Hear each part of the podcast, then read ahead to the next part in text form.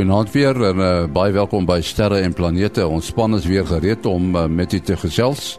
Kobus Olkers daar in uh, Amerika, deesdae hy op vakansie hier in Suid-Afrika. En dan natuurlik uh, ruimte nuus wat geskryf word deur Herman Turin in Bloemfontein. Daarna gesels ons met uh, professor Mati Hofman en Willie Koorts.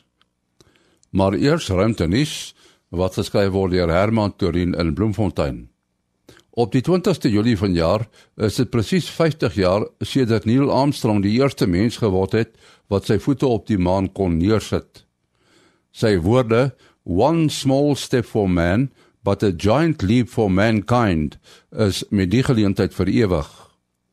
Terwyl omvattende vieringe vir die geleentheid beplan word en die afgelope 50 jaar se ruimteverwikkelinge in herinnering geroep word, word terselfdertyd deeglik besin oor planne vir 'n volgende besoek van mense aan die maan. Terwyl gewerk word aan artikels wat elk van die Apollo-reise na die maan in detail ontrafel en neerpen, tel 'n bemande verbyvlug op die maan onder die planne vir die hervatting van maanreise. Oor 15 jaar sal daar na verwagting reeds 'n basis op die maan wees wat maande lank bewoon sal kan word. Terwyl 'n logo wat die afgelope 50 jaar gedenk al 'n ruk in gebruik is, is 'n nuwe logo wat 60 jaar gedenk reeds bekend gestel. Die sonnestelsel lyk na 'n toonbeeld van orde, maar chaos regeer in werklikheid. Botsings tussen planete kan nie as moontlikheid uitgesluit word nie. So lui 'n artikel in die Nederlandse dagblad Trou. Wiskundig loop alles vlot, maar daar is ook baie ander kragte in die hemelruim teenwoordig. Maar die stelling word deur sommige sterrekundiges betwis. Een voorbeeld van onstabiliteit is dat Saturnus langsaam wegbeweeg van die son af, maar dat Jupiter daarenteen weer nader aan die son kom. Edmund Halley het juis hierdie beweging in berekening gebring deur die Halley-komeet se toekomstige trajecte bereken. Volgens een sterrekundige kan die mensdom nie wat beweging in die ruimte betref verder as 70 miljoen jaar die toekoms insien nie. Daarna is dit heel moontlik dat planete kan bots. Die maan beweeg ook jaarliks ongeveer 4 cm van die aarde af. Mars se maantjie Phobos is weer besig om al nader aan Mars te beweeg teen 'n tempo van 1,8 cm per jaar. Sommige sterrekundiges meen Phobos het reeds begin val en dat die getywerking vir krake op die maantjie verantwoordelik is. Dit sou weer daarop dui dat getywerking besig is om Phobos uitmekaar te trek. Tot sover dan ruimte nuus wat elke week vir ons geskryf word deur Herman Torin in Bloemfontein. Nou Kobus Olkers. Goeienaand Jenny en goeienaand luisteraars. Ja, hier groet ek vanaand uit uit Franshoek uit. En kom ons kyk wat hierdie week aangaan op die son en in die ruimte. Nou, die eerste ding wat ons van weet is ons het toe verlede week 'n redelike intense uh stroom van baie hoë spoed sonwind gekry wat hier tussen 500 en 600 km per sekonde gewaai het. En dit het ons hier so van Dinsdag af so 'n bietjie gepla tot uh omtrent donderdag se koers toe. En toe het toe nou ehm um, toe was dit nou nie meer geo-effektief nie. En vir hierdie week wat nou vir ons voorlê is daar's nog 'n uh, korona gaatjie uh wat ook uh vir ons 'n bietjie van 'n ver, verhoogde sonwindspoed gaan gee, maar hy is eintlik baie klein en hy gaan geo-effektief raak so teen môre middag se koers. En dan kan ons maar weet van hom vir so tot om die donderdag toe. Daar's natuurlik nou nog 'n koronagat wat ons met die stereo satelliete so aan die agterkant van die son kan sien. Hulle is uh doen net oor die horison en hulle kan vir ons dalk van laat van laat hierdie week vroeg volgende week kan ons daar 'n bietjie sterings verwag en soos gewoonlik sien ons maar altyd net dit is nou eintlik die uh net die langafstand radiogebruikers wat dit gaan wat dit gaan agterkom. Wat interessant is van beide hierdie een van Woensdag en van volgende week ehm um, is dit beide van hulle kom van 'n area op die son wat wat nou 'n magneetveld het wat teenoorgestel is die van die aarde en is met ander woorde as hulle hier aankom verswak hulle die aarde se magneetveld so effens en dan is die effek natuurlik 'n bietjie groter. Ehm uh, maar nog steeds ek ons verwag geen hoegenaamd geen uh, probleme met uh, eh, GPS of internet of krag of enige so iets nie. Daar's ook 'n refresserige filament in die noordelike helfte van die son. Hy sit baie naby aan die pool, maar sou hy dalk platval, kan ons dit agterkom. Hy lyk nogal onstabiel veral in sy middelrond. Ons gee vir hom so omtrent 'n 25% kans om dalk vir ons 'n hydervakkel te gee. Wat natuurlik dan ook 'n bietjie kan saam met die koronagat wat nou negatief georiënteerd is, kan ons uh, 'n paar interessante dinge daar kry. Dan natuurlik wat uh, magnetiese komplekse magnetiese aktiwiteit aanbetref, is daar hierdie week hoegenaamd niks te wagte te verwagte op die son nie. As mense op die oomblik in die wit lig sou kyk en so mense agterkom daar's nie enkele sonvlek op die son nie.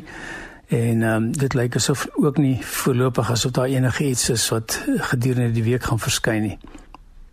Nou ja, as die mense dan nou wonder oor al hierdie goed waarvan ons praat, ehm um, ek doen 'n praatjie op die 3de Mei, dit is 7 uur in die aand by die Oeverkruinse is 'n NG gemeente ehm um, daar in Pretoria uh, Wonderboomse area en die toegang is gratis en almal is welkom om te kom luister. Ons sê dankie aan Kobus Olkers. Ons gesels uh, weer ouer gewoonte met ons span en dit is professor Mati Hofman en uh, Willie Koorts. Ons het 'n hele klompie luisteraars vrae gekry wat ons uh, so weldra sal beantwoord, nie noodwendig almal in die program nie, maar uh, so met die loop van die program in die volgende weke. Maar heel eers, wil ek kom ons praat 'n bietjie oor uh, hulle sê dis die grootste vliegtyg wat nog gevlieg het, 'n sogenaamde Strato Launcher. Vertel ons meer daarvan. Uh ja, massiewe massiewe vliegtyg 2 747s wat hulle aan mekaar geplak het, kyk maar amper sê natuurlik nou nie regtig want jy het 'n baie st sterk struktuur nodig um wat wat dan een vlek deel en uh, dan 'n ruimte in die middel het waaraan jy dan kan um kan ruimtetuie koppel. Nou uh dis eintlik nie 'n 'n 'n nuwe idee nie. Um al in sedert die 1940s het hulle al gedink aan die sogenaamde air to launch of launch to orbit 'n uh, 'n strategie waar jy dan uh in plaas van 'n 'n vuurpyl op die aarde regop staan maak en met 'n massiewe hoeveelheid brandstof nodig om hom in die lug op te kry uh en en dan gelanseer te kry sal jy eenvoudig 'n vuurpyl onderaan 'n vliegtyg uh vasmaak en die vliegtyg taamlik hoog vlieg. Wat gewoonlik wat hulle doen is hulle sal dan die vuurpyl los. Hy sal so vir so 'n klompie sekondes op sy eie vlieg.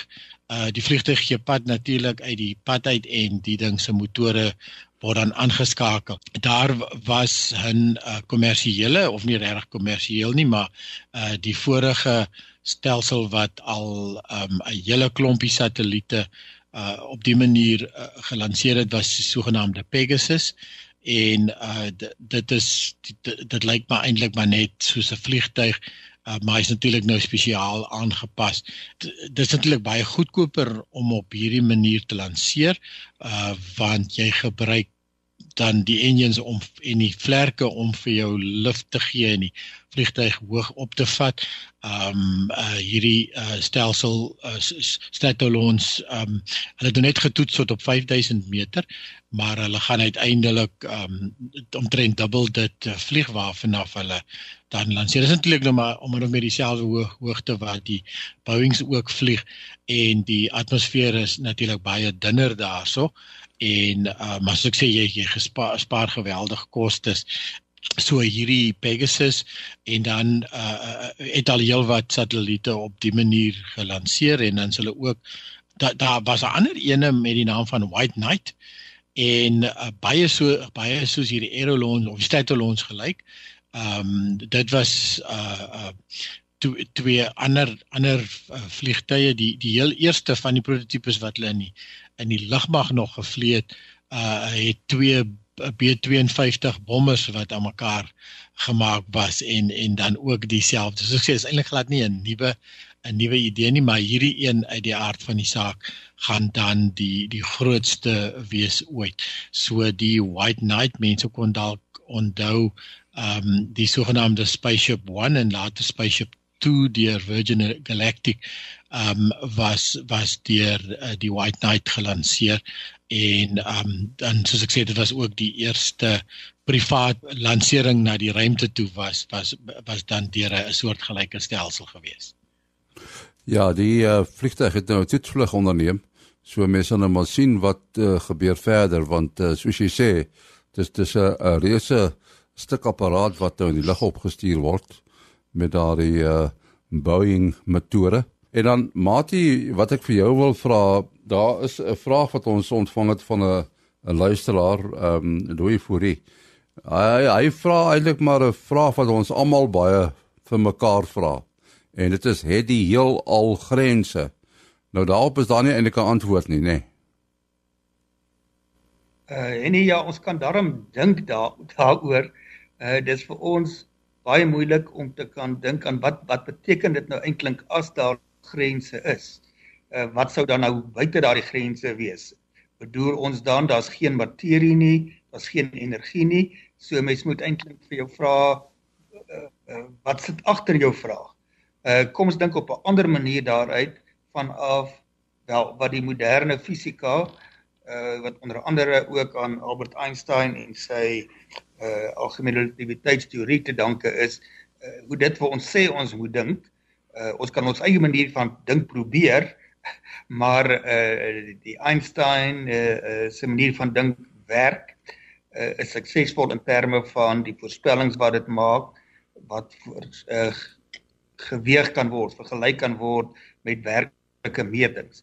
Uh Einstein se teorie sê vir ons die die heelal as ons dan nou wil dink het dit grense of nie bestaan uit ruimtetyd 'n gekoppelde uh konsep wat uh ruimte en tyd nie onafhanklik van mekaar bedink kan word nie.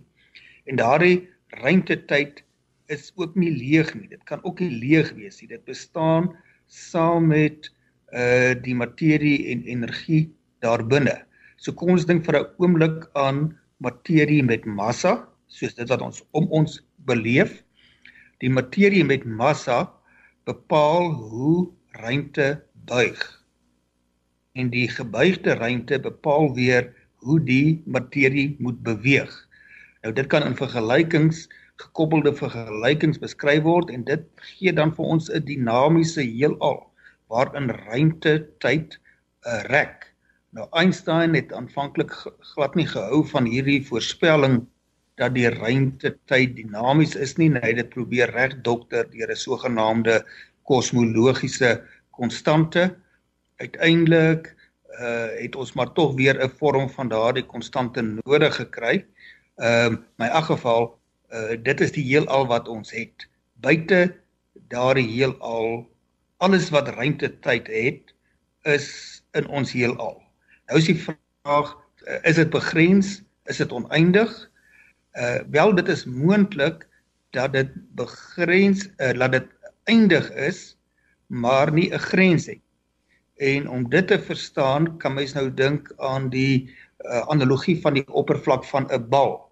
Uh as jy 'n tweedimensionele wese sou wees wat op die oppervlak van 'n bal beweeg, gaan jy nooit 'n grens kry nie. Maar vanuit 'n hoër dimensie, ons kan in 3 dimensies dink, kan ons tydelik insien, uh dit is dit is nie 'n oneindige oppervlak nie, maar hy's tog onbegrens. Nou in die wiskunde van ruimte en tyd is daar is dit gebuig in 'n hoër dimensie. Nou is die vraag net buig dit genoeg? Uh op 'n ander uh, meer alledaagse manier gestel, sê nou maar ek skiet 'n ligstraal hier weg wat so reguit as moontlik in ruimte tyd beweeg. Uh maar ons weet dit word die pad van lig word gebuig. Dit beweeg saam met die kontoure van ruimte tyd. Maar sou dit uiteindelik weer jou as jy nou in die rigting van daai ligstraal kyk in beginsel jou agterkop kom tref, by ander woorde het daai ruimte in 'n hoër dimensie gebuig. Ek dink jy daai vraag kan ons dit hang af hoeveel massa daar in die heelal is in totaal. As jy al die massa en energie bymekaar sit of hy genoeg uh, kan buig en of hy basies oop bly dat dit net gaan uitstrek. Uh, dit gaan uitdui en rek ons weet die ruimte uh rek die die uitdaging het met tyd stadiger geword, maar moderne aanduidings is dat dit op 'n groot genoeg skaal het die uitdaging tog versnel en dit is waar die konsep van donker energie vandag vandaan kom. Mens kan amper sê in 'n desperate poging om dit te probeer uh uh verklaar. Uh, die probleem is ons kan ons nie enigsins ons kan nie enigsins buite ruimte en tyd dink nie. So as mense nou praat van daar waar daar niks is nie, absoluut niks waar daar nie heelal is nie, bestaan daar ook nie ruimte en tyd nie. Dit kan ons nie vir ons uh, self bedink nie. Wat jy oor na jou is ook 'n luisteraarsvraag en dit gaan oor ruimte rommel. Die vraag kom van Wessel Kromje af. En uh hy vra nogal 'n vraag wat ek uh aan gedink het en dit dit gaan oor die beweging van satelliete. Uh, hulle is meestal wes na oos. Uh, ruimte rommel bly 'n probleem. Uh wil jy op sy vraag reageer? Uh ja, dis reg. Hy hy hy's doodreg. Die meeste satelliete loop wes na oos. Ehm um, maar moet ook nie vergeet die jou poolbane, jou satelliete wat noord-suid of suid na oos hardloop wat 'n redelike algemene tipe baan is, nie vir al jou weersatelliete en so want die aarde draai mos dan binne in hierdie baan kan jy maar amper sê en uiteindelik word die hele planeet gedek. Uh so dit is jou tipiese bane en soos hy ook reg sê uh daar is nie vreeslik satelliete daar is so hier en daar een maar dit is eintlik nie so 'n vreeslike slim plan om uh satelliete oos na wes te probeer lanseer nie want dan moet jy eers die aarde se draaispoed bereik en dan eers begin die satelliet noem dit nou maar spoed optel. So uh um, so hy het nou gesê maar uh, hoekom is die botsings dan so gevaarlik? Ehm um, want as alles nou min of meer dieselfde spoed hardloop en in dieselfde rigting hardloop, dan ehm um, dan is die relatiewe spoed nie nie baie hoog nie. En dit is dis presies korrek. So uh, ons met ons aarde se ontsnap snelheid is hier in die omgewing van uh wat is dit 28000 km/h. Uh so al die satelliete wat om die aarde wentel moet ten minste daai spoed hê anders te uh val hulle in. So dit is natuurlik 'n hoë spoed, maar dit is relatief tot die aardoppervlak. So die satelliet langs hom uh gaan dan min of meer dieselfde spoed hê. Um nou uh daar's 'n interessante Wikipedia bladsy wat vir jou al die uh botsings van satelliete mooi um mooi bymekaar sit en um en hulle lys hierso so vier botsings wat nou per ongeluk was tussen tussen satelliete in 1996 was daar 'n Franse satelliet um, wat in 'n Ariane um, vierpyl se stadium uh, gebots het. Um, die ou grootte wat meeste van die mense miskien onthou is in 2009 uh, wat Iridium 33 met 'n uh, Russiese Cosmos uh, satelliet gebots het. Ehm um, die twee het pres, het mekaar amper loodreg getref. So of hulle bane is dan loodreg gewees. So uh, jy gaan nou nog steeds nie die verskillende verskillende snelhede was nog steeds nie 28000 km/h nie, maar dit was baie hoog relatief nog steeds. Ehm um, so dit is amper soos wanneer 'n fietsryer probeer 'n pad oorsteek. So jy jy gaan nog daardie kar tref op sy sy um teen die spoed wat die kar min of meer gery het. So uh dit het natuurlik 'n hele klomp um klomp ruimte rommel veroorsaak. Um en dan uh dan begin die nanosatelliete en die CubeSats begin nou ook so baie te raak en daar was ook al reeds uh twee botsings 2013 en uh al twee 13 Januarie en Mei uh wat daar botsings tussen tussen ehm um, hierdie nanosatelliete gewees het.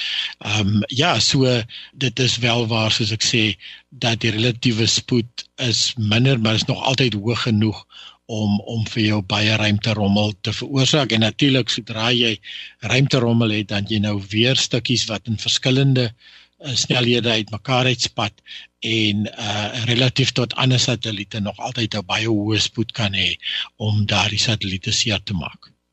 Uh uh Willie, net so 'n interessante opmerking uh in die die epos van uh dit was Weselkron hier nê. Uh meld hy nou van die moontlike oos-wes satelliete, die wat in 'n teenoorgestelde rigting vlieg as as die res en ek was baie skepties of daar enigsins sulke satelliete sal bestaan want om daardie nadeel om teen die aarde se rotasie te werk is 'n baie groot nadeel.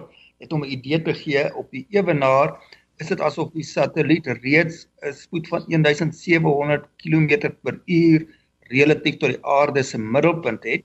En dan ehm um, die lae weet tot op 'n hoogte ons sê 200 km te kom daar moet dit 'n spoed van soos 27000 km/h te hê. So as jy nou teenoorgestelde rigting kom, as jy die energie sou spandeer om 1700 km/h te vlieg, dan is jy eers in rus relatief tot die aarde se middelpunt en dan moet jy nou nog eers van daar af werk. Maar des uh, uh, uh, desondanks is daar tog enkele satelliete wat oos-wes vlieg en al wat ek kom kry, hulle verwys hier na Israel se Shavit satelliete en die Amerikaners se Future Imagery Architecture satelliete. Ek weet nie presies hoeveel daarvan hulle is nie. En ek sien ook die bepaalde webwerf verwys na samewerking tussen Suid-Afrika en Israel in die vroeë 90's jare oor hierdie uh satelliete. Maar as so 'n satelliet dan nou teen 27000 km per uur of dalk 'n bietjie laer as hy nou bietjie hoër as 200 km is, uh sal nog steeds oor die 20000 km per uur uh oor 'n wes-oos vlieg en hier kom 'n ander een oorgestelde rigting natuurlik gaan dit baie baie meer energieke botsings gee. Ehm um, en dis natuurlik nie noodwendig 'n satelliet nie, dit kan 'n uh, wolk van ruimte afval. En uh ons het net die afgelope week dink ek het daar uh, in die geostasionêre baan, dis nou baie hoër as die na nou Earth orbit, die lae aardebaan, daar 'n satelliet wat uh verbrokkel het en dit is nogal op 'n video vasgevang met 'n uh, wat mense hele wolk van afval. Jy kon sien hoe op die video hoe stukke afbreek of mens lei dit af want jy kan uh, uit die ligpatroon wat nie baie duidelik is nie, kan jy dit tog uh tog sien. Nou kyk jy die satelliete se Intelsat 9 Intelsat 29E satelliet. Nou in die geostasionêre baan is die baansnelheid in die orde van 11000 km/h en die formule vir die baansnelheid van 'n satelliet is uh eweredig aan die vierkantswortel van 1 op die radius. Dit beteken as jy die radius van die baan 4 keer groter maak, gaan die baansnelheid uh twee keer die vierkantswortel van uh van 'n kwart gee jou half aan die woorde twee keer kleiner word. Ehm um, die radius moet natuurlik vanaf die aarde se middelpunt gemeet word en nie van die oppervlak van die van die aarde af nie. Ons moet afsluit. Uh, wil jy jou besonderhede? Uh ja, mense kan bel WhatsApp of SMS 072 4579 208. 0724579208. En dan Mati? Uh 0836257154. 0836257154. En dan my e-posadres maas.henny@gmail.com. maas.henny@gmail.com en dit is die adres waarheen u u vrae stuur vir beantwoording deur die span. Tot volgende week. Mooi loop.